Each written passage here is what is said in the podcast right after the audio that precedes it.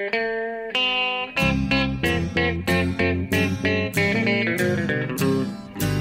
out there, we're on the air. It's hockey night tonight. Tension grows, the whistle blows, and the puck goes down the ice. The goalie jumps and the players bump, and the fans all go insane. Someone roars, Bobby scores at the good old hockey game. Oh, the good old hockey game is the best game you can name. Hallå, hallå, hallå, hallå, hallå, hallå, hallå, hallå, hallå, hallå, hallå. Hallå och välkomna till NHL-podcasten med eh, Jonathan Bambi Ekeliv som vi hörde där i Stockholm. Ja. Och mig då, Per Bjurman i eh, Palm Desert eh, i Kalifornien utanför eh, Palm Springs. Ja. Eh, där jag råkar befinna mig just nu. Det är morgon här, det är eh, sommar, eh, klarblå himmel, 30 grader varmt, palmerna rasslar, det plaskar i poolen, fåglarna kvittrar. Eh, så ska man ha det när det är november. Det är, det är på gränsen till att du ska öppna dörren lite extra på glänt då, så att vi får höra fågelkvittret igen som vi gjorde i någon podd. Senast Ja, var det Podd. Springs i alla fall. Ett, ett ögonblick så ska jag ordna det. Ja. Vänta lite. Ja, nu hör vi. Ja, Ja, ja. det är någon gräsklippare och någon sprinkler och så också. ja, men då vet Som- vi vad det är för någonting. Och kanske lite palmrassel vi har snart också. Ja, ja, det, ja, det, det, det är bara trevligt. Ja. Eh, hur står det till med dig? Det är likadant i Stockholm antar jag, så här i början av november. Ja, det är palmrassel och det är fågelkvitter och det är sol och, och härligt. Ja. Och Nej, det är någon som bra. plaskar i poolen i bakgrunden. Ja, precis. Jag tog mig precis ett dopp här innan vi satte igång. Nej då, jag kanske är lite blöt för att jag gick i regnet här i så fall. Men, nej, det är väl en eh, 7-8 grader och eh, grått och regnigt här. Men eh, ja, ja. Och, och mörkt tidigt på eftermiddagen.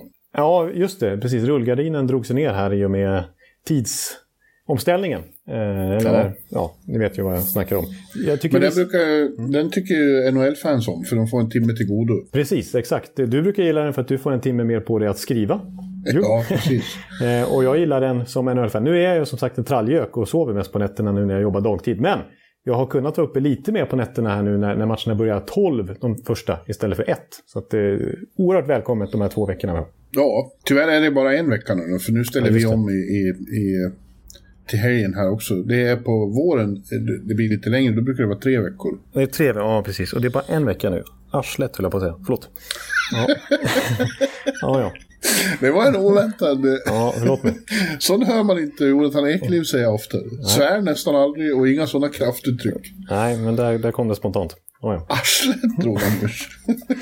Ja, ja. Men vi får njuta av de här sista dagarna i alla fall. Ja. Ja, ja, vi får göra det.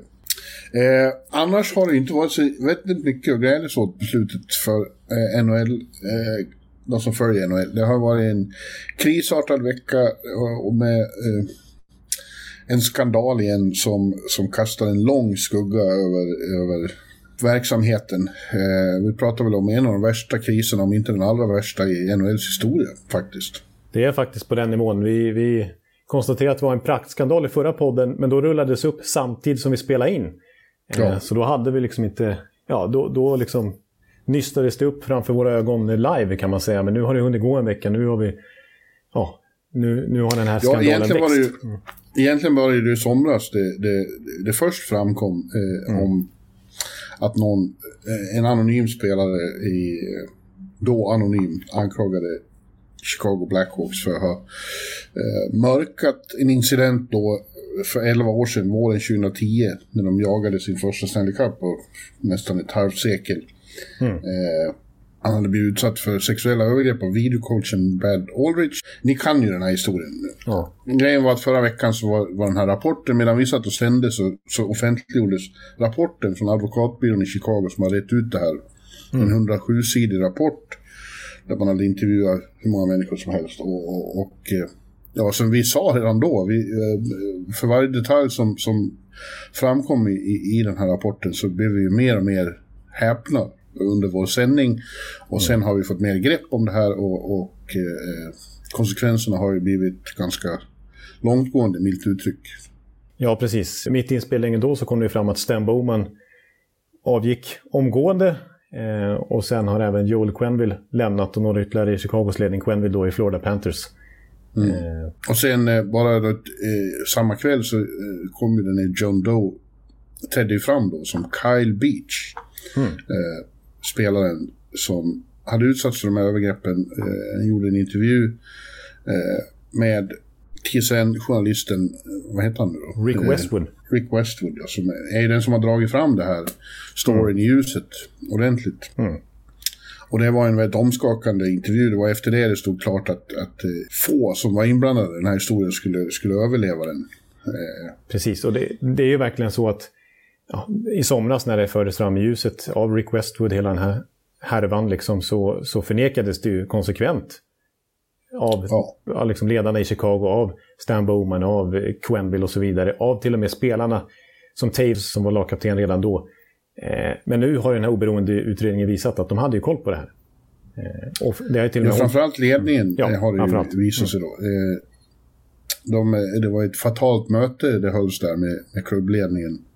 Eh, där man i princip bestämde sig för att vi kan inte röra i det här nu för att vi jagar Stanley Cup och, och det skulle störa kemin i laget. Mm. Så man, man, man, man prioriterade det framför en, en allvarlig, ett allvarligt brott helt enkelt. Som, som en ung person, det har ju framgått av den här Kyle Beach-intervjun att han har fått lida i det tysta. Han fick sitt liv förstört i princip. Ja, och, precis. eh, Tagit till missbruk och så vidare. Ja, fick hjälp av ingen. Nej, inte ens av NHLPA. Det är det som är, det är, det som är gre- grejen också. Att det är ingen som har stått på hans sida i den här historien i princip. På betydande positioner. Nej. Och värst av allt då, eh, Brad Aldrich eh, blev kvar, eh, var med och firade Stanley Cup eh, framför ögonen på, på Kyle Beach. Och sen så gick han ju vidare i livet och har så småningom dömts för brott mot, liknande brott mot minderåriga vid en skola i Michigan där han hade samma slags jobb. Eh, och det hade, om, om Chicagos klubbledning hade tagit rätt, gjort det rätta 2010 hade de offren för, och liksom kontaktat polisen så hade inte det hänt senare. Och det är väl det allra värsta i det här. Nej, precis. Alltså, de sopade under mattan under själva slutspelet då, men när finalserien var klar och de hade vunnit Stanley Cup, inte ens då tog man tag i det. Visst, han fick inte vara kvar, men det var någonting som skedde liksom, i mörkret kan man säga. Och, och dessutom då så, så skickade Quenneville med ett liksom, reklamationsbrev om honom och förklara hur viktig han har varit för Chicago som klubb och hur bra jobb han hade gjort som videocoach och så vidare, vilket ju är Ja. otroligt. Ja, ja det är verkligen otroligt. Och, och det är ju korrekt att de här inblandade, det går inte att ha kvar Quenville Nej, alltså, och jag, jag häpnas över... jag, jag häpnas ju över hur... Visst, liksom alla de här personerna nu, vi kan prata Bowman, vi kan prata Quenville, Bettman, eh, spelarfacket, eh, spelargruppen med Jonathan Taves i, i förarsätet och så här. Be om ursäkt och, och, och ångra sina beteenden och så vidare. Men det känns inte genuint. Bara en sån sak som att Quenville liksom ändå ställer sig i båset en match till efter att de här uppgifterna har kommit ut. Eh, har mage att göra det liksom. Det, det känns inte genuint från min sida utan det känns som att de fortfarande vill skydda sig själva. Och första intervjun med Jonathan Taves där han fortsätter att mer, inte slå ifrån sig kanske, men liksom hylla Stan Bowman snarare än att be om ursäkt Ja. till Cal Beach och sådär liksom. Det, Ja, och dessutom fortsätter ju då eh, Chicago och efter att ha beklagat alltihop det här då, det, det känns som man eh, man gör det för syns skull mycket. Ja. Eh, även kommissionär Bettman när han höll sitt pressmöte och så. Man säger rätt saker men bara samtidigt så gör man allt man kan eh, bakom kulisserna för att få Kyle Beach eh, han har ju en stämningsansökan på gång in, i, en, eh, i en domstol i Chicago. Mm. Den försöker få underkänd samtidigt då. ja. Eh, Ja. Jag skrev en krönika idag om det här. Eh, där jag jämför, drar paralleller ska vi kanske säga, mellan maffiafilmen Casino och, ja. och eh, NHL-ledningen. Mm. Hur de lyckas fucka upp allting. Eh, och, och nämner ju där då att de är ju jurister. Det är ju det som är grejen. Amerikanska jurister är en särskild sort eh, som har förstört mycket i världen. Eh, och eh, när, när det kommer till sådana här historier då blir eh, framförallt Batman och Bill Daley som är, som är ju, de blir extremt sådana robotartade eh, jurister som kan le och ta i hand och samtidigt sticka en kniv, se till att en hantlangare sticker en kniv i ryggen på dig. Ja.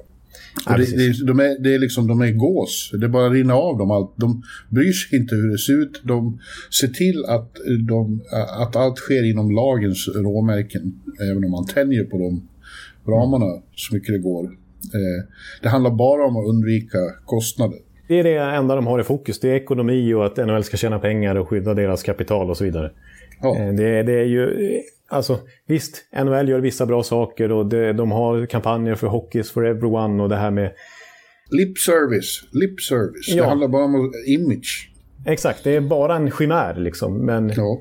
det de i verkligheten bryr sig om är någonting helt annat. Det finns ju många exempel mer. Alltså, veckan innan den här skandalen verkligen uppdagades eh, så var ju liksom ja, men, Jimmy Hayes död och Robin Lehners uttalanden om det omfattande liksom, pillmissbruket i NHL och hur, ja. hur de tvingar i spelarna det ena och det andra. Och det, liksom, allt känns det som att de säger, liksom, en sån som Bettman på högsta positionen säger rätt sak och så vidare, men allt försöker de ändå tona ner.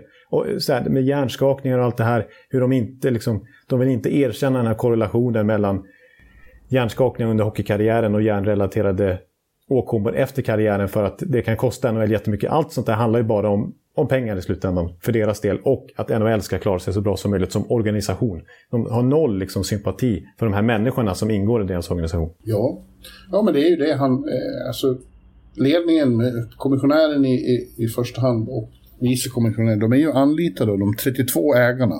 Mm. 32 eh, miljardärer har anlitat de här eh, människorna för att vara ansiktet utåt och ha den här rollen. Skydda deras investeringar, punkt och slut. Det är allt egentligen det handlar om. Ja, precis. Och visst, det är klart att den här Chicago-händelsen är ju exceptionell och, och hur fel många har agerat. Men visst är det också ett... Visst, man kan peka ut vissa individer, men det är också ett så uppenbart systemfel. I hela, ja. det, kan, det kan man ju dra stort i hela liksom, idrottsvärlden och utanför idrottens värld på många sätt människor i maktposition, hur de liksom agerar och vad de har för personliga agendor och så vidare. Men eh, alltså, det har ju nystats upp, håller på att nystas upp en, en till liknande skandal i, i Pittsburgh nu. Eh, där ja. till och med Mario Lemieux som ägare har blivit stämd för att de påstås då ha sopat under mattan sexuella övergrepp i AHL-organisationen, att tränaren där mot assisterande tränarens fru.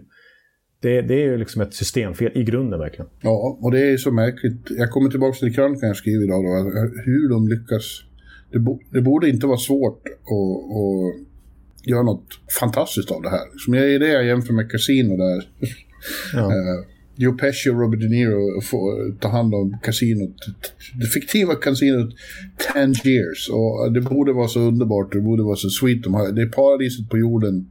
Mm. Och ändå in the end we fucked it all up. Eh, ja. Och det känns som, när man har den här, de, har, de badar i pengar och de har den här fantastiska produkten att säga. De har en enormt eh, lojal, trogen kundkrets och de får till vardags fantastisk PR hela tiden.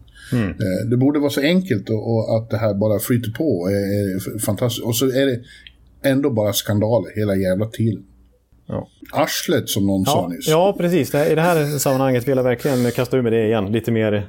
Ja, jag kan kasta mig ur det rent spontant också faktiskt. Inte bara eftertänksamt. Ja, nej, det är tråkigt. Och, och det, det, jag, sen, ju mer sånt här händer, den här riktigt allvarliga krisen, man tappar ju liksom man tappar ju. Ja, du, du skrev ju att, att vi kommer till slut vända NHL-ryggen om det fortsätter så här. Alltså, vi vet ju att de vill ha det så här från högsta ort, att de vill sopa alla problem under mattan och inte låtsas om det.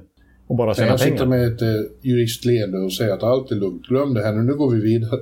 Nu vänder vi bra som en annan makthavare. Så. Bara ett sånt här signalvärde stör jag mig på av alla detaljer man kan störa sig på i den här soppan. Alltså, eh, när de ska dela ut ett straff här från NHLs håll till Chicago så blir det 2 miljoner dollar i böter. Mm. New Jersey de fick 3 miljoner dollar i böter för att de hade kringgått kontraktsreglerna kring Ilja Kowalczyk där för 8-9 år sedan. Eh, Arizona mm. fick väl också 3 miljoner i böter för de här uh, otillåtna fystesterna på spelare innan draften. Eh, sådär. Det, det, var tydligen, eh, det liksom var värt grövre straff tyckte NHL än sexuella övergrepp som sopats under mattan av en organisation. Och när Gary Bettman får frågor om just det så säger han bara different context, different situation. Eh, bara, bara luddiga svar för att försöka...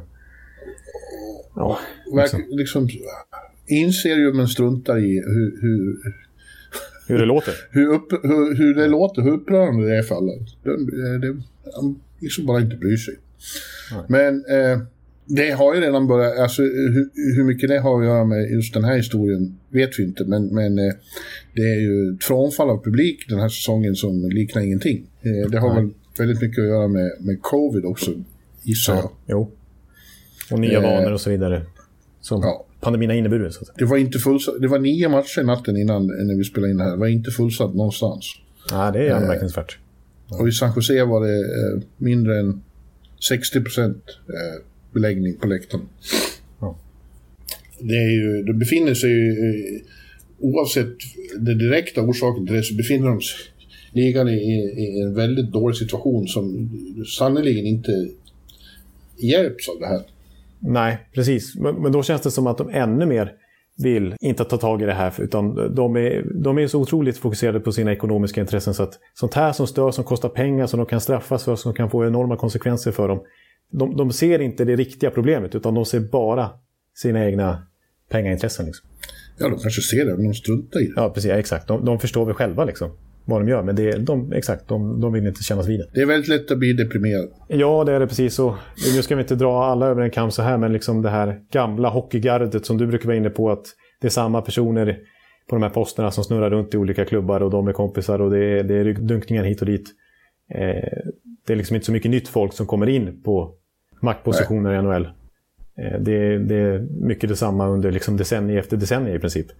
Eh, Ja, bara... Det är the good old boys. Ja, precis. Och lite, nu ska jag inte liksom utmåla dem för hårt här, men, men till exempel som, som, som Dave Tippett i Edmonton, när han får frågor om, om den här händelsen med Cal Beach och så vidare, så, så vill han inte riktigt uttala sig för han har inte koll på alla detaljer och han är så bra vän med Stan Bowman och det är en fin människa och så vidare. Och en sån som Bob Hartley som inte är kvar i NHL längre, som har likt en sån som Bill Peters hamnat i Ryssland istället. Också verkligen den gamla skolan. Han säger så här, apropå den här situationen, att ja, Joel Quenneville, du är välkommen att komma hit till Ryssland. Bara du gillar maten här, mm. annars så är det inga problem. Det är liksom, de, de, de snackar om att inte vilja se problemen. Ja, nej, visst. Nej, jag säger det, det är deprimerande. Och ändå ska vi försöka prata lite hockey också. Eh, Ja, det blir ju lite svårt liksom, att ta det här på allvar tycker man. Eh, när, alltså, när liksom, det, nej, jag vet inte. Men vi får väl försöka. Ja, vi har några stycken som har eh, rattat in oss för att lyssna, för att höra om det ändå. Ja. Eh, mitt i det här. Och man, man, kan ju dra en... Man kan ju börja vid eh, och ändå ta i situationen i Florida då. Eh, ja. Där ju laget och klubben i sig är, är liksom oskyldig i det här. Mm. Eh, alltså i alla fall direkt. Mm. Men eh, drabbas hårt i och med att eh, Quenneville slutar då eh, väldigt abrupt. Mm. Eh, efter att ha byggt upp något som håller på att leda i väldigt rätt riktning nu. Mm. Eh, de har ju fortsatt spela bra sen det hände. Mm. Och jag, jag, jag såg någon, det var väl Uyghur, backen, som sa att eh, vi har bra veteraner i det här laget som eh, är väldigt nyttiga i en sån här situation. Och han nämnde särskilt då Patrik Hörnqvist och Joe Thornton som hade sagt rätt saker om hur man ska fokusera på att gå, ur den här, gå igenom den här situationen. Mm. Mm. Men det hänger ju kvar en fråga. Eh, just nu är det Andrew Brunette som har tagit över ansvaret, tillfälligt åtminstone. Eh, ja.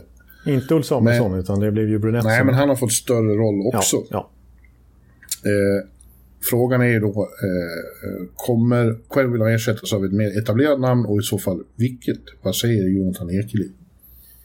Ja du, det är lätt att liksom göra som vanligt där, som vi egentligen vill se lite ändring på i NHL-världen i stort, men att eh, ta sådana namn som som finns tillgängliga och som har funnits med sedan tidigare. En sån som Bruce Boudreau som fortfarande inte har något jobb. Eller en Claude Julien av de etablerade namnen. Men visst skulle man kunna tänka sig att titta lite utanför boxen också. Men samtidigt, jag menar Brunette och Uffe Samuelsson har ganska gedigen erfarenhet. Inte minst Uffe Samuelsson som varit assisterande länge nu i olika NHL-klubbar varit framgångsrik och fått mycket beröm för att ha lyckats sätta, det är inte minst hans förtjänst att, att Florida har satt ett så bra försvarsspel, vilket har varit ett aber där länge. Jag menar, offensiven har ju faktiskt varit bra under många år, under hela Barkov-eran egentligen. Det är ju försvarsspelet som varit problemet. Och sen Uffe Samuelsson tog över backansvaret. Så det är ju först då som det faktiskt har blivit bra. För jag menar, som Aaron Eckblad har varit det länge med Kenzie Weegar. Det, det är inte bara individerna i sig på backposition utan det är ju det kollektiva försvarsspelet som Uffe har satt. Så att jag, menar, jag, jag utesluter inte att,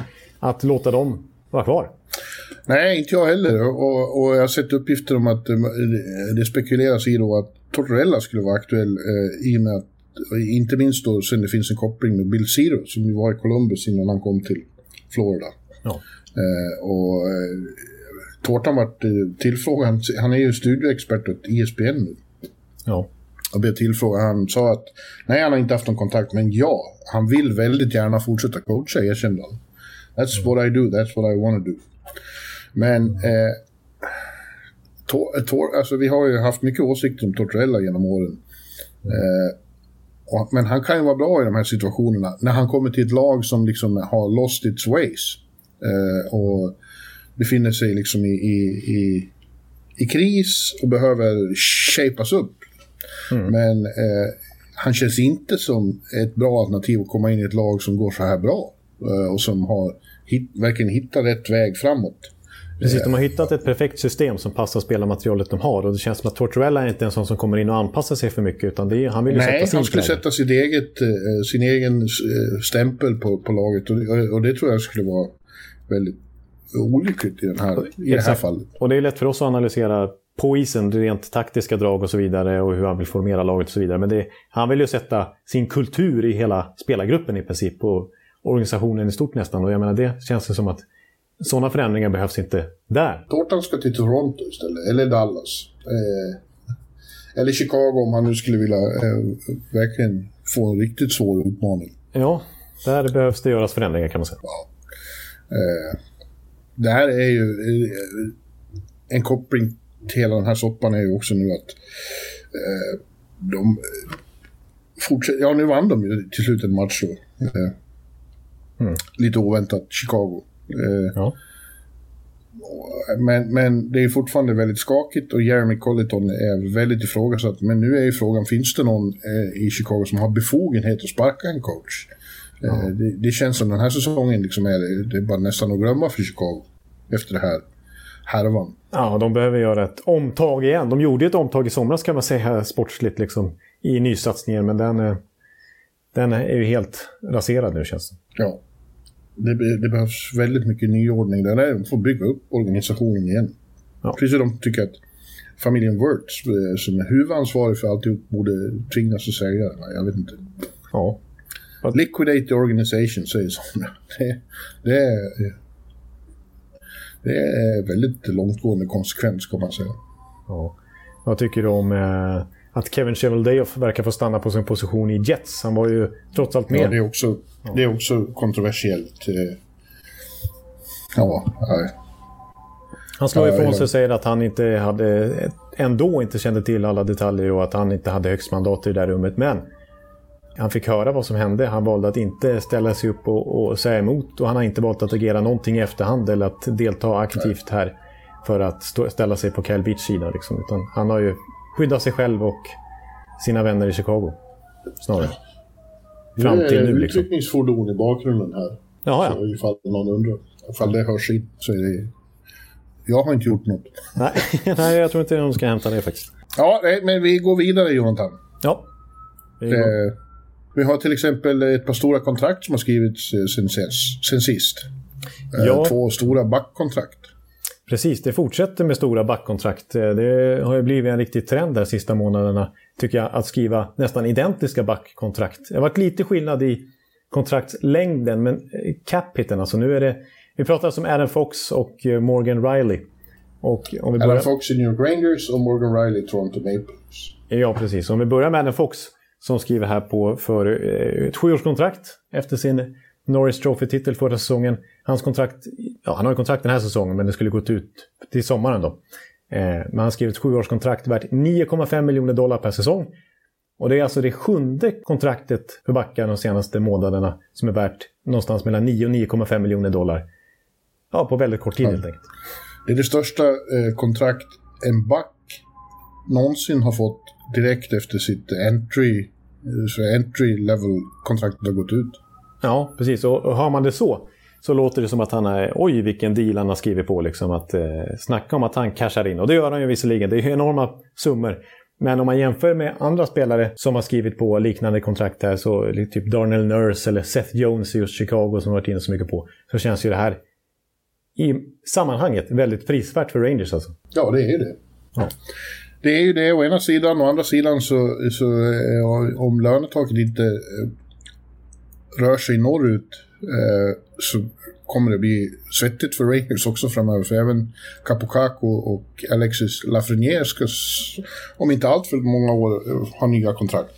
Nej, precis. Och eh, Mika Zibanejad har ju höjt sitt marknadsvärde. Mm. Ja, hans capita från och med nästa säsong lyfts ju rejält också efter hans kontraktsskrivning här för några veckor sedan. Så att... Ja, de får bli lika eh, kreativa som Brisbois framöver. Ja, det kan behöva bli så faktiskt. Jag tror, vad har de? 70 miljoner dollar på 15 spelare eller sånt där nästa säsong. Så det, det blir tajt. Ja, och för det är samma, likadant är det ju i Toronto då. Där väldigt mycket pengar uppknutet till några få och nu är Morgan Riley en av dem också. Ja, precis. I hans fall det blir inte 9,5 miljoner dollar, men det blir i alla fall 7,5 miljoner dollar på ett åttaårskontrakt var det väl i hans fall då. Ja, det är max, det är max eh, man får skriva nu för tiden. Ja, precis. Och det innebär att han går upp med vad är det, 2,5 miljoner dollar sen sitt tidigare kontrakt. Så att han, det blir värt mer. Sam back, in the day, ja. back in the day kunde man ju skriva eh, ge Henrik Zetterberg 15 år och så. Ja. Men det, det stoppades ju där vid 2012-lockouten till slut i alla fall. Ja. Men eh, ja, åttaårskontrakt. Faktum är faktiskt eh, Morgan Riley som ju har klarat sig från eh, liksom allvarliga skador under karriären. Om man skulle spela merpart, alltså 80-90% av de här åtta åren på nästa kontrakt som börjar gälla från och med nästa säsong. Då kommer han med marginal bli den Toronto-spelare genom tiderna som har spelat flest matcher i klubben faktiskt. Och det är inte lite. I, I en klubb där, eh, som har funnits så länge och där de har haft trotjänare som Börje Salming och, och Mats Sundin. Ja, precis. Men eh, precis. Morgan Riley har stor chans att eh, bli etta på den här listan.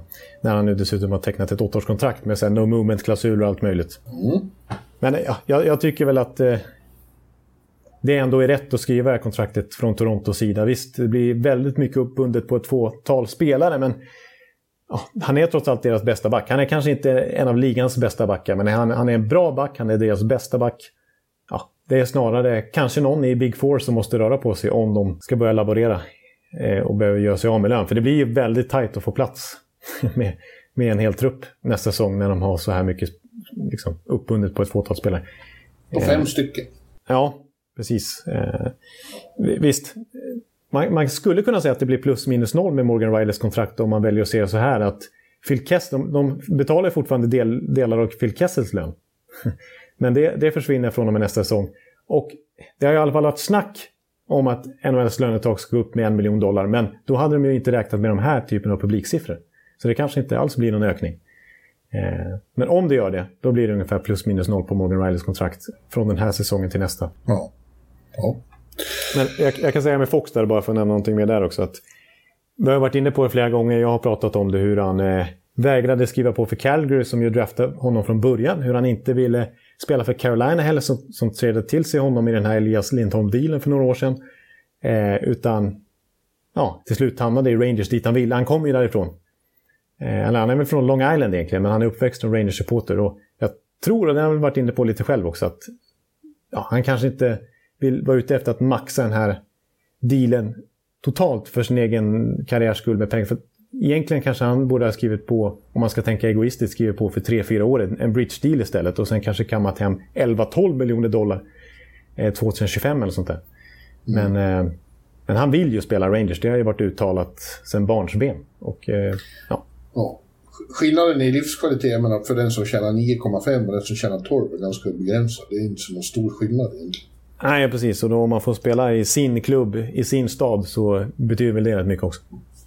Ja, men han har ju, han har ju liksom eh, personligen kringgått systemet på ett smart sätt. Han är ju en väldigt eh, eh, självständig individ och smart människa utbildad på Yale, va? Harvard. Eller Harvard. Mm. Harvard. Mm. Eh, och eh, eh, han bestämmer sig. Jag, jag vill bestämma vad jag ska spela. Jag är inte livegen. Och funkar inte det, då läser jag väl vidare då. Ja, precis. precis. Och det ska vi komma ihåg då när, när vi pratar med Fox tycker jag att han liksom superhyllad under rookie-säsongen och sen så redan andra året vinner Norris Trophy och så vidare. Och vilken nykomling i ligan och sådär. Men vi pratar ju inte om en 18-19-åring. En, en Rasmus Dahlin-typ till exempel. Alltså, eh, som har fått lite kritik för sina första år i NHL. Alltså, Adam Fox fyller ju faktiskt 24 i vinter. Mm. Eh, Rasmus Dahlin blir nu, den här säsongen, blir han lika gammal som Adam Fox var under sin första säsong i NHL. Så att, han har ändå haft några år på sig att mogna och växa som spelare. Så att han går ju snart in i sin riktiga prime, Adam Fox. Han kanske är redan inne i den. Eh, så att det är ju inte, det är inte en rookie på, på ett vanligt sätt tycker jag. Eh, att han var när han kom in i ligan. Som sagt, tre år på, på Harvard innan det var dags för NHL. Ja, jag tycker ju att det där är väldigt eh, sunt. Därför att, och det här är inte bara ett problem för NHL, det är hela amerikanska proffsidrotten. Det här draftsystemet är ju i grunden abhorrent. Att, ja. att eh, klubbar köper sig rätten till en annan människa och bestämmer var, var, den, ska, var den ska spela och hur och när. Eh, det är något eh, som alltid har skavt i mig med det där draftsystemet. Ja. Ja, rent cyniskt så är det ju bra liksom att det, blir, det jämnar ut ligan och så vidare. Och, och, klubbar som kanske befinner sig på mindre attraktiva marknader och inte har samma plånbok kan vara med och konkurrera. Men det är ju trots allt det är lite samma sak där som ledningen tänker. Att de, de tänker bara på sådana såna parametrar och inte på människorna själva. Att de faktiskt Precis. inte har det blir ju lite slavsystem. Ja, det är ju slavsystem. Det kan man faktiskt säga. De får rätta in sig i ledet och, och, och bara flyta runt i den här NHL-cirkusen. Ja. Men bra, eh, good for Fox. Ja, de får ju betalt i alla fall. Ja, jo. Eh, men det är ändå eh, rent principiellt pratar vi här. Ja, precis. Och det är familjer som berörs och så vidare. Det... Så jag tycker att det är korrekt handlat. Bra. Good for Fox. Ja. Mm. Ja, du, om vi tittar på eh, själva... Eh, ja, det är lite tidigt ändå att säga att vi, vi har fått en eh, stadga i tabellen och så. Eh, ja. Men li lite mer eh, konturer ser vi ju ändå av hur den här säsongen förmodligen kommer att arta sig. Eh, åtminstone ja, vad gäller vissa, vissa topplag. Vi kan ju konstatera att eh, Carolina Hurricanes, eh, Ekelivs gamla favoriter, eh, ja. har, verk har verkligen sprängt sig ur startblocken. De spelar åtta matcher och vunnit åtta, samtliga under ordinarie matchtid. De har inte tappat en poäng de ser fruktansvärt bra ut. Ja, precis. Och, ja, eh, om det har satt sig så vidare. Så jag, nej, jag tror kanske inte att de går 82-0-0 i rekord Men, men det ser ju onekligen väldigt bra ut och i alla delar av, av spelet egentligen. Det är bara att titta på vilken kategori som helst. De har gjort tredje flest mål i ligan. De har släppt in minst antal mål i ligan. De har topp 5 i powerplay i procent och de har topp 5 i boxplay procent. Det är liksom, allt funkar ju. Eh, nyförvärven har levererat. Eh, de unga kärnspelarna har levererat. En sån som Svetjnikov har redan gjort sju mål till exempel. Eh, ja, för... ja, och den kontroversiella Tony D'Angelo fungerar utmärkt så far. Eh, det, är ingen som, det är ingen som håller på att fråga vad är Dougie Hamilton. Nej, det är Rod Brindamer. Om det är någon som skulle få ordning på på D'Angelo så är det väl han. Men ja. man kan fortfarande ifrågasätta den värvningen rent moraliskt. Men, men sportsligt är det en, en skicklig spelare som slutar väl fyra i backarnas poängliga bara för två år sedan. Eh, men han har ju gjort över en poäng, på en poäng per match hittills och, delar detta i, PP-ligan bland backar till exempel. Ja, de är ensamma om att vara obesegrade nu. Eh, eh, Florida var med länge, St. Louis var med länge, Edmonton var med länge. Men de har alla förlorat en match nu. Och ja, det är bara oslagbara Carolina. Och de säger det själva, så Brett Pesky var det väl som gick ut och mm. sa vi det osar självförtroende om oss. Ja. Ja, men nu, det är så otroligt satt deras spel med Rod Brindaman nu när han har varit där så länge. Och vilket commitment han visar mot sina spelare och mot organisationen när, när han väljer liksom... Ja, vad var det hans lön är? Det ligger runt, jag tror den är under 2 miljoner dollar per säsong faktiskt. När han hade kanske kunnat få 6-7 miljoner dollar i en klubb som Rangers. Eh, men han vill ju verkligen bo i Carolina, han vill vara där. Ja, och han har ju varit där så pass länge nu så att det där spelet sitter ju enormt gjutet. Och, och som jag varit inne på tidigare också, hur... Ja, men man är inte förvånad att, att Carolina kommer in med bra fart i säsongen när, när en sån som Rod Bridham till och med är med på fystesterna själv inför säsongen och liksom kräver att spelarna ska klå honom. Och det är inte så lätt med tanke på hur mycket han tränar. Liksom. Han är, han är ju Rod the Bod liksom. Ja, men du har väl dem i final? Har du inte? Nej, det har jag inte. Jag, har, jag hade dem i final förra året. Och det, ja. Jag tycker det brukar vara lite så här att man, man hypar upp ett lag lite för tidigt och sen så lever de inte riktigt upp till det man, man, man tror om dem. Och när förväntningarna kanske går ner lite grann, som de kanske gjort på Carolina den här säsongen när de ändå tappat lite spelare och misslyckades i slutspelet. Det kanske är då det är dags. Ungefär som ja. när Washington till slut vann efter att året innan ja, precis. När Tampa ja, hade man hunnit, hunnit ge upp om dem. Ja, precis. När Tampa ja. vann också. Så, så hade man gett upp dem när de åker ut med dunderbrak mot Columbus. Så tänkte man det här kommer ju aldrig gå. Liksom. Eh, kanske lite liknande med Carolina Vi får se. Om vi skulle... Om, om, eh, om, om slutspelet skulle börja nu efter 9-10 matcher så skulle det vara Carolina mot Toronto, Florida mot Philadelphia, Rangers mot Washington och Tampa mot Buffalo. Ja, den är, den är oväntad. Jag hade inte förväntat mig att möta Buffalo i, i första rundan om man säger så. Nej, och i, i väst skulle det vara Edmonton mot Nashville, St. Louis mot Anaheim, Winnipeg, Minnesota och Calgary, San Jose. Ja, det är många oväntade lag. Det är väldigt tidigt, men det... ja. ja, det är några som kommer. Jag, jag tror att eh, man, man, glömmer lite New York Islanders. Har inte eh, liksom... Mm, inte spelat hemma än. Nej, och det dröjer ju fortfarande några veckor innan de får göra det. Ja. Eh, de kommer att bli ett större hot än vad de är just nu. Det är en utmaning att vara ute på en oändlig roadtrip. Ja, precis. Och om, om Vegas kan få tillbaka några av sina alla skadade stjärnor så borde de kunna klättra efterhand. Men det är lättare sagt än gjort om de får en... Om, om, om det grävs ner i ett dike här nu i början. Ja, nu är det, det är ganska långt från ett dike för, för Vegas och Colorado, men de har inte börjat... Det är, det är väl en trend här att många favoriter har börjat sämre än, än väntat.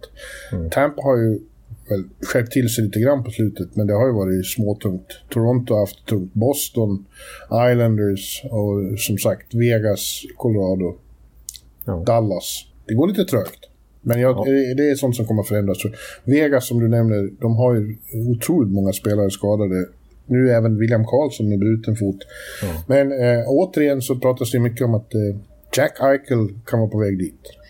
Ja, precis. Men, men om de faktiskt går för en Eichel-trade, alltså då... Eh, om man ser kortsiktigt då, då, då kan det bli riktigt svårt för Vegas att nå slutspel i slutändan. För att det kommer ju, han ska ju genomföra sin operation först då, så vi kan ju räkna med Jack Eichel först kanske i februari-mars i så mm. fall. Och de måste ju offra en hel del, en Riley Smith kanske, eller, eller en Jonathan Marchessault eller någon av backarna eller sådär. Eh, för att knyta till sig honom också. Så jag menar, de kommer ju liksom, man har fortfarande många spelare på långtidsskadelistan och de kommer bli av med ännu mer spelare i en trade. Och de kan inte tillgodoräkna sig Eichel på isen förrän i vår. Och vilken form är han då efter operation och så vidare.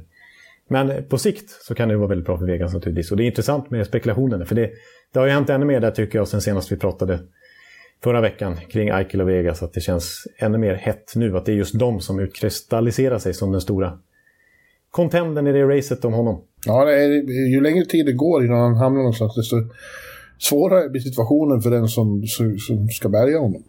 Ja, precis. Det känns på det viset så, vilket är olyckligt för Eichel naturligtvis, på det viset så, så kan man tänka sig att vissa lag nästan vill ta det under off-season. Men eh, Eichel vill ju inte gå ett och ett halvt år utan spel. Och han vill ju genomföra sin operation. Ja, så att han kan ja, träna måste ju det. Ja, ja, precis. Det äventyrar ju hans karriär om han inte får träna ordentligt. Ja. Eh, ett lag som har överraskat väldigt positivt eh, på eh, slutet är ju Calgary Flames. Nu fick de visserligen stryk då mot Nashville, som också har överraskat positivt får man säga. Ja, jag är lite överraskad, vi ska prata Calgary, men jag är lite överraskad över faktiskt Duchene och Johansson som har utdömda ja. stoppklossar. Eh, faktiskt gjort det helt okej här inledningsvis. Ja, eh, men Calgary eh, Ja, det verkar som att det kanske eh, ändå finns en Daryl Sutter-effekt här. Att det, det har blivit eh, mer go i laget. Eh, att de har en, en, en, mer seriös inställning. Nu är det ju först i slutspel vi ska se att det fungerar om de går dit. Eh, men de här signalerna i början har ju varit väldigt positiva. Men det vi skulle komma till var väl att Jakob Markström är tillbaks i 2019-2020 eh, slag igen. Ja, Han precis. har ju varit enorm. Ja, exakt. Alltså, vi har väl nämnt honom liksom så här, i förbifarten i tidigare poddar här att han gjort bra ifrån sig. Men nu måste vi prata lite mer om honom. Alltså, han har ju faktiskt hållit nollan redan tre gånger den här säsongen. Och när Calgary var på en lång roadtrip här, spelade fem borta matcher Då svepte de den. Ja. Tog hela bunten och, och Markström släppte bara in ett mål på den roadtripen. Ja, precis. Och det råkade vara mot Rangers, så det var ett jävla skitmål som, som krigades in. Det såg jag ju personligen. Ja. ja. ja han, är, han är verkligen i superslag här, vilket ju är oerhört lovande för Johan Garpenlöv att bevittna. Ja, verkligen. Mm. Vi fortsätter här så kan vi alltså få in eh, NHLs hetaste målvakt i, i, i OS.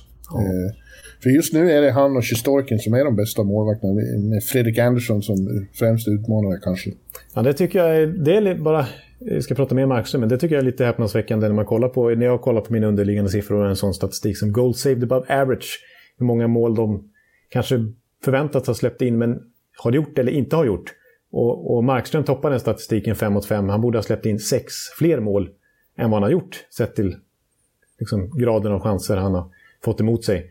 Men överlag topp 10 liksom på den listan, Gold Silver Bar Average, vi kan ju titta på bara, bara räddningsprocent och så vidare, ligger många ifrågasatta målvakter. Alltså det var inte många som trodde att Fredrik Andersson, som ju Toronto inte ville ha kvar, skulle komma in till Carolina och, och stänga igen butiken helt som han gjort hittills.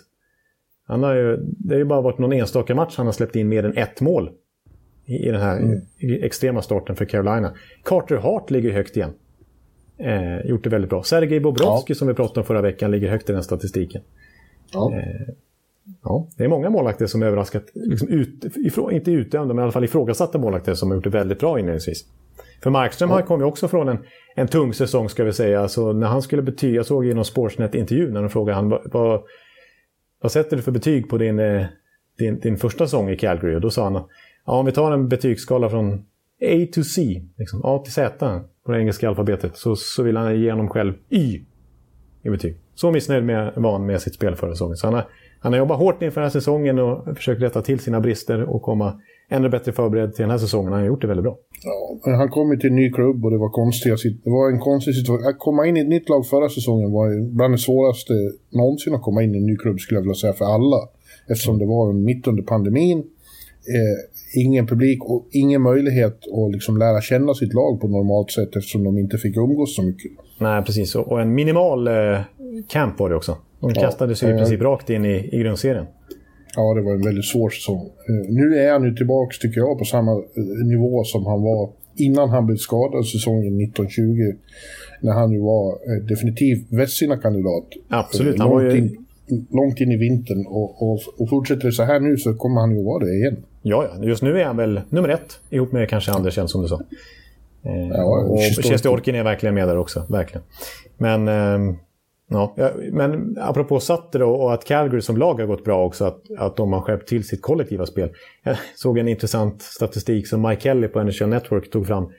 Eh, där sen Sutter tog över, och visst det blev ingen Sutter-effekt förra säsongen under våren. De hade faktiskt något sämre record under hans halva av grundserien än, än under Geoff Ward. Men en tydlig sak i alla fall, eh, trend som man kan se spelmässigt, taktiskt, som, som har blivit mycket bättre. Och som ju borde över tid Eh, Eh, vara en enorm fördel för Calgary. Det är ju antalet kontringar de släpper till respektive får med sig själv framåt offensivt.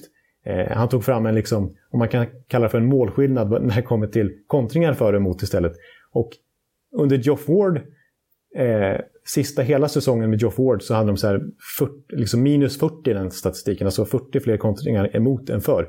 Eh, bara på de första veckorna med Geoff Ward under våren här så hade de minus 26 i den statistiken. Sen när Sutter tog över på andra halvan av säsongen, då hade de plötsligt plus 22 i antal kontringar.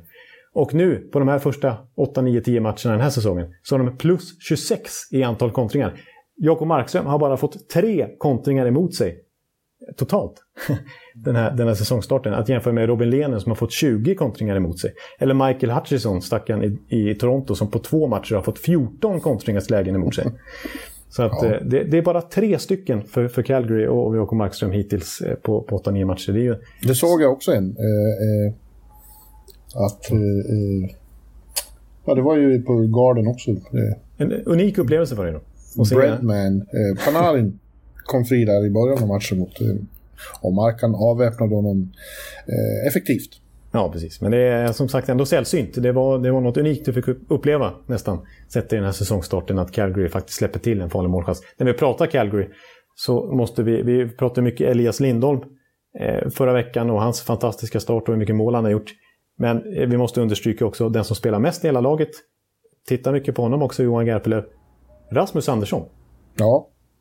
Man, man tänkte ju liksom, när ändå kaptenen Mark Giordano försvinner, vem ska kliva fram som ny backklippa där? Och hittills är det ju såklart Rasmus Andersson som spelar nästan två minuter mer än någon annan i Calgary.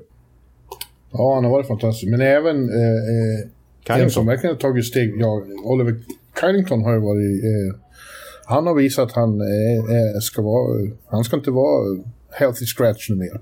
Nej, precis. Jag har sett många Calgary-fans som har skrivit så här. Hur är det möjligt att vi har satt Kylington på läktaren tidigare? Varför, varför inte han fått spela mer? Han har ju varit jättebra gjort ganska mycket poäng här inledningsvis och, och överhuvudtaget när man ser aktioner av honom i egen zon och så här, hur, han ska, hur han ska spela sig ur pressade situationer och när han för upp pucken längs isen och så vidare. Han är, det är ju en gammal supertalang. Jag vet inte om han har rekordet fortfarande, men när han kom fram i Färjestad var det väl, AIK inledningsvis, så eh, var han ju yngsta spelaren i SHLs historia som 16-åring. Eller var han till och med 15? Han, det är ju en, en supertalang i alla fall och vi har ju pratat mycket om att det kan ta lite tid för backar att find themselves liksom. Att, eh, ja. att, eh, och han är fortfarande ung, Kylington, så att där kanske de har bonus som de inte hade räknat med. Verkligen. Mm. Eh, kul. Eh, men ja, jag kanske underskattar eh, Darius Sutton. Jag har haft en bild av att hans ledarskap är omodernt och hans syn på hockey också. Men så far eh, har det fått en positiv effekt i år. Ja, alltså han känns också lite som... Han har inte fått den typen av anklagelser emot sig, liksom rasism eller eller liksom grava mobbningsfasoner. Men det är, också, det är ändå lite det här management, management by fear-känslan man har på Daryl Sutter. Men ska man ge honom någonting positivt i alla fall så har han ju ett, ett taktiskt sinne på väldigt hög nivå. Han verkar mest butter tycker jag. Ja, jo precis. Nej, exakt. Det är sant. Det är intrycket man får att han är ganska inåtvänd. Ja, precis. han vill ju helst sitta där på sin traktor. Eh, inte ja. mitt i Calgary utan långt utanför på Alberta-slätterna. Ja. Ja, men Markan är en av de stora positiva eh, svenska överraskningarna så far. Eh, mm. Men vi måste också komma tillbaka till eh, eh rookiesarna. Eh, ja. Där vi har svenska rookies som går väldigt bra. Det är inte bara dem, men vi ska börja med, med att titta på dem. Vi har Lucas Raymond, han är etta i, i rookiesarnas poängliga och strax bakom sig har han Jonathan Dahlén och eh, Eh, William Eklund är inte så långt efter han heller. Det var länge sedan vi hade en sån eh, rookie-klass. Ja, precis. Alltså, verkligen. Alltså, vi hade ju Elias Pettersson som blev årets rookie i, närtid här, men, men att vi har flera stycken att prata om. Eh, och som har sån, alltså, bara som en sån sak att i senaste matchen här eh, så spelar Dahlén och Eklund ihop i första kedjan med Logan Couture. Ja, Snacka om förtroende. Eh, eh, ja, eh, William Eklund fick ju hoppa in i den kedjan där för att de, det, covid går ju som ett eh, som ja. en gräsbrand genom San Jose. De, miss, de hade väl åtta spelare borta plus coachen mot Winnipeg och ja, fick ta in halva Barracudas. Ja, precis. Det var i princip San Jose Barracuda som, som spelade den matchen. Ja, men de vann ändå. Ja. Vilket var imponerande. Ja, men, eh, faktum är att igår eh, när de slog eh, Buffalo mm. så var första gången jag pratade med Dahlén efteråt på telefon. Mm. Väldigt trevlig fyr också. Jag, jag har aldrig talats vid tidigare, men han var ju väldigt trevlig och lätt att ha att göra med också. Ja. Precis som pappa. Ja, just det. Uffe, ja. Och eh, känslan är väl att det inte är sista samtalet till Jonathan Dahlén. Nej. Kanske blir en... Han kanske också kommer blanda sig i Biffen Awards här när vi närmar oss. ja, men han var ju framförallt otroligt glad över oss, för han tycker det var fantastiskt roligt att spela i NHL. Det är inte lätt, det går fruktansvärt fort man spelar både med och mot extremt bra spelare. Ja, men något som han har utvecklat men, mycket sista åren och som han får mycket beröm där av San Jose-ledningen, det är ju hans fysiska spel. Man tänker ju på honom mest som en snitsig liksom, lirare. Men hur han tar för sig i sarg dueller och, och, han är verkligen inte rädd för att gå in på kassen och han gör ju mycket så mål på styrningar och returer ja. och sånt där. Det är ju inte bara highlight reels utan det är ju det är en ganska komplett spelare, Jonathan Dahlén. Ja, det var ju stök framför kassen igår. Han dök upp och, och, och drog in en puck som kom lös där. Eh, och han sa det. Ja, jag, jag har upptäckt att det är så man gör mål i den här ligan. Ja. Och bara en sån här sak måste jag nämna också. Under oktober månad, den eh, första månaden sammanfattades eh, om man säger statistik som expected goals för olika kedjor. då var det högst expected goals var för, ja inte helt oväntad, The Perfection Line, Marchand, Bergeron och Pasternak. Men trea på listan, det var Meyer, Couture, Dahlén. Tredje högst ja. expected goals i oktober för, för en och samma kedja så att säga. Det det är ingen mm. dålig... Du, apropå covid, eh, nyhet, Sidney Crosby är out med covid. Jaha, precis när han ska komma han tillbaka. Han har mild symptoms. det verkar som vi får leva med det här. De blir inte så jättesjuka, för nästan alla är vaccinerade, men, men eh, smittat kan man bli ändå. Och då är det bara att sitta i tio dagar. Ja, precis. Så det har mitt fantasylag fått erfara mycket här i inledningen av säsongen. ja, mitt med. Jag hade Patrick Kane eh, ute länge och när han kom tillbaka och gjorde comeback och stod för hattrick plus assist, då hade jag glömt att aktivera honom från IR. Ja, det, ja det, då var det tungt hos New York Ja. ja. Missa fyra poäng. Svår miss. Usch. Ja. Men du, äh, vad gäller rookiesar då, ja. så äh, finns det fler än svenska. Vi har äh, tyska backen i Detroit är också ett stort utropstecken. Eh, Moritz eh, Seider. Seider. Ja, precis. Eh, ju, som vi har bra koll på här i Sverige efter Rögle-säsongen nu. I princip SHLs bästa back förra säsongen. Kan man argumentera för. Ja. Och redan nu liksom en, en superfaktor i Detroit som ju också är överraskat positivt. Inte bara Raymond utan hela, hela laget då, och Seider. Eh, ju. Mm. Ja. Och, och, och jag, i förra veckan var jag, i slutet av förra veckan, och såg Vegas eh, Anaheim i T-Mobile Arena i, i, i eh, Vegas. Mm. Och eh, vart imponerad av, av några stycken där.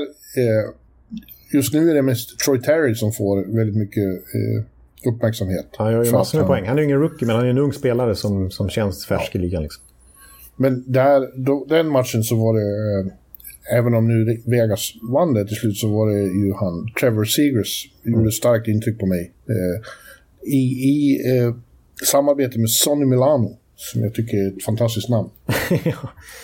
ja. De två såg riktigt bra ut där. Det är som att de, är lite, de går lite under radarn där och har eh, några av de mest osjungna eh, starka unga spelarna där. Eh, vilket är kul, för jag trodde att de inte kunde, att det var liksom kört där i Anaheim. Ja, men de har ju mycket potential eh, på många spelare där och jag har ju tippat att Seagrass ska, ska bli årets rookie. Han är kanske mm. inte riktigt eh, liksom i, i, första ledet än så länge. Han har inte öst in poäng, men det är ju en extremt underhållande spelare att se. Jag kan tänka mig att du la märke till honom från pressboxen. För det är ju, det är ju en, ja. är en underhållande spelare. Sen skulle jag vilja att han blir ännu lite mer effektiv på NHL-nivån än. Men det kommer han bli. Ja, vi får, vi får ju se. Det, det, det är ju som vanligt det här. Det, det, det är ju lättare för eh, rookies att glänsa i oktober-november än vad det kommer att vara i mars-april. Ja, precis. Det, eh, så är det. När allting har blivit svårare och skärpts till och det blir tajtare och så. Mm. Eh, men eh, ja, absolut. Mm. Samtidigt då, innan säsongen så sa jag att Cole Caulfield var given eh, Trophy-kandidat. Ja. Men eh, eh, hans säsong har inte alls eh, börjat bra. Och här i, i helgen blev han ju faktiskt nedskickad till AHL.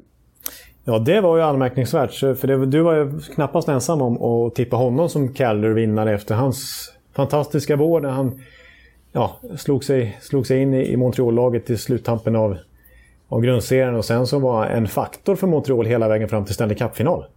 Jo. Ja. Han gjorde ju mål, han Precis. gjorde assist och han gjorde snygga mål och han, var, han blev ju snabb publikfavorit. Eh, en virvelvind eh, för, för Canadiens. Men eh, så förväntningarna var, var ju enorma eh, inför den här säsongen. Han kom ju från ett fint track record. Visst, han blev, han blev draftad lite senare än vad man trodde för att det har varit dubier kring hans size. Han är väl en av NHLs kortaste spelare nu, runt 1,70. Eh, men eh, han har öst in mål på alla nivåer fram till liksom Stanley Cup-finalen till och med.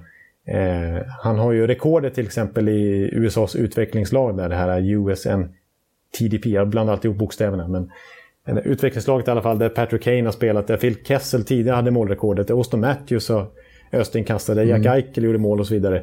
Men där faktiskt Cole Caulfield har rekordet ju. Eh, så han har liksom aldrig riktigt stött, stött på någon riktig motgång. Han har alltid gjort mål hela sitt liv. Eh, men nu står han på noll efter tio matcher och som du säger skickas ner till AHL till och med. Ja, men det är vi och säkert han eh, begår samma misstag som eh, vi ofta gör. Att eh, gick det bra förra säsongen så kommer det att fortsätta likadant nu av sig självt. Men det är aldrig så. Det, det, det smyger sig in en, liksom en, någon slags trygghet i att ja, men nu kommer det fortsätta av sig självt det här på, per automatik. Det gör det aldrig. Mm. Samtidigt är det ju så att det har eh, varit förmodligen mycket lättare att, att briljera i det Montreal som spelade i somras mot det som spelar nu. Jag, jag satt och lyssnade på NHL, jag har det, NHL-kanalen på satellitradion i bilen här. Ja, just det. Och, Klassiker. Eh, där eh, pratar de mycket om att eh, det, var, det var ett helt... Montreal har varit väldigt dåliga hittills den här säsongen på, på uppspel från backarna. Liksom. Eh, och mm. när, när forward som han inte blir matade med, med rätt sorts eh, uppspel från, från bakifrån, då blir det betydligt svårare. Ja, ja nej, men det, det, det ligger mycket i det.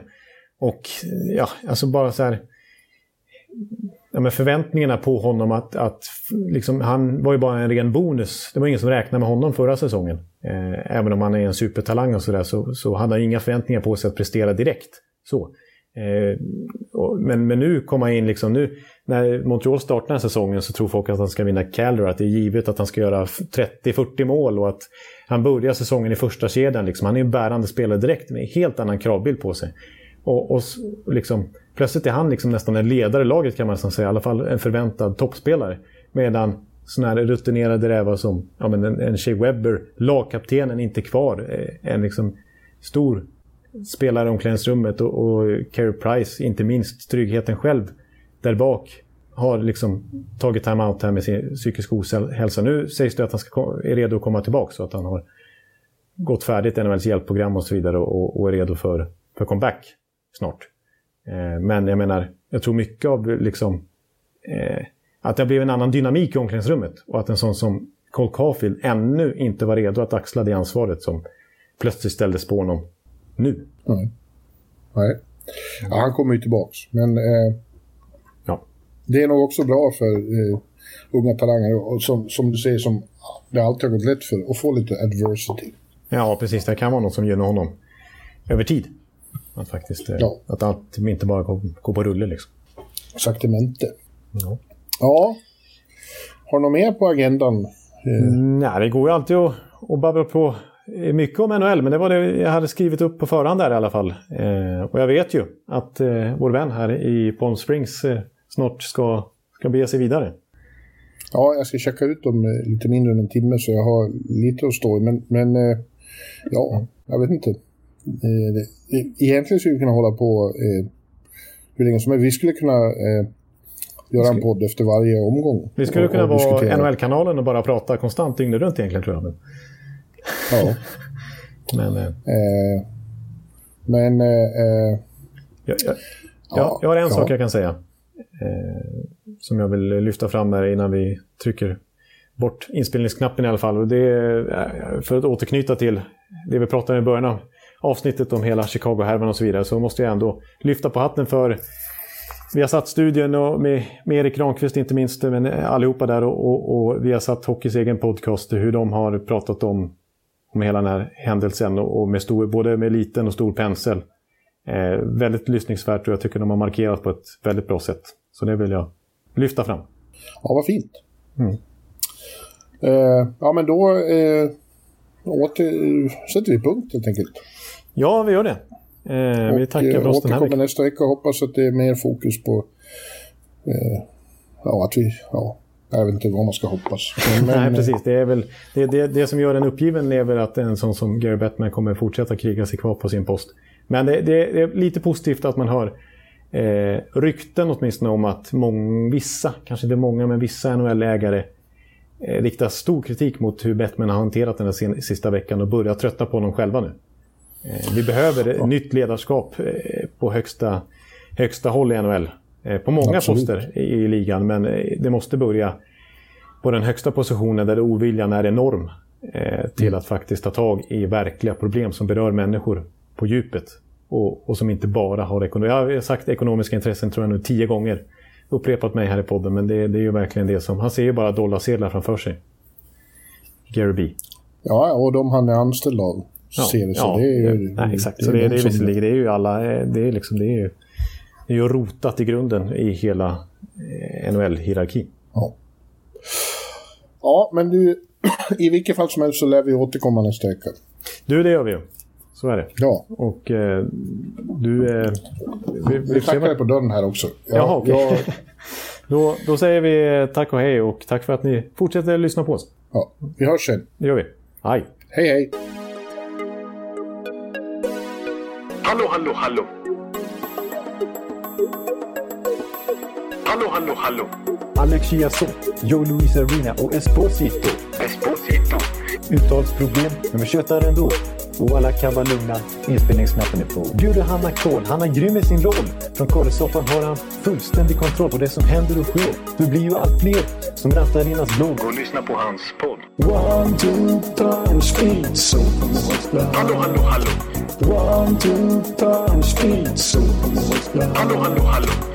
Ekeliv, som är ung och har driv. Verkar stor och stark och känns allmänt massiv. Han hejar på Tampa och älskar Hedman. Sjunger som Sinatra. Ja, och där ser man. Nu är det dags för refräng. Dags för magi, Victor Norén. Du är ett geni. Så stand up at home and remove your hats. Höj volym, för nu är det plats. One, two, times speed, so Hallå, hallå, hallå. One, two, times speed, so Hallå, hallå, hallå. One, two, times speed, so Hallå, hallå, hallå. One, two, times speed, so Hallå, hallå, hallå.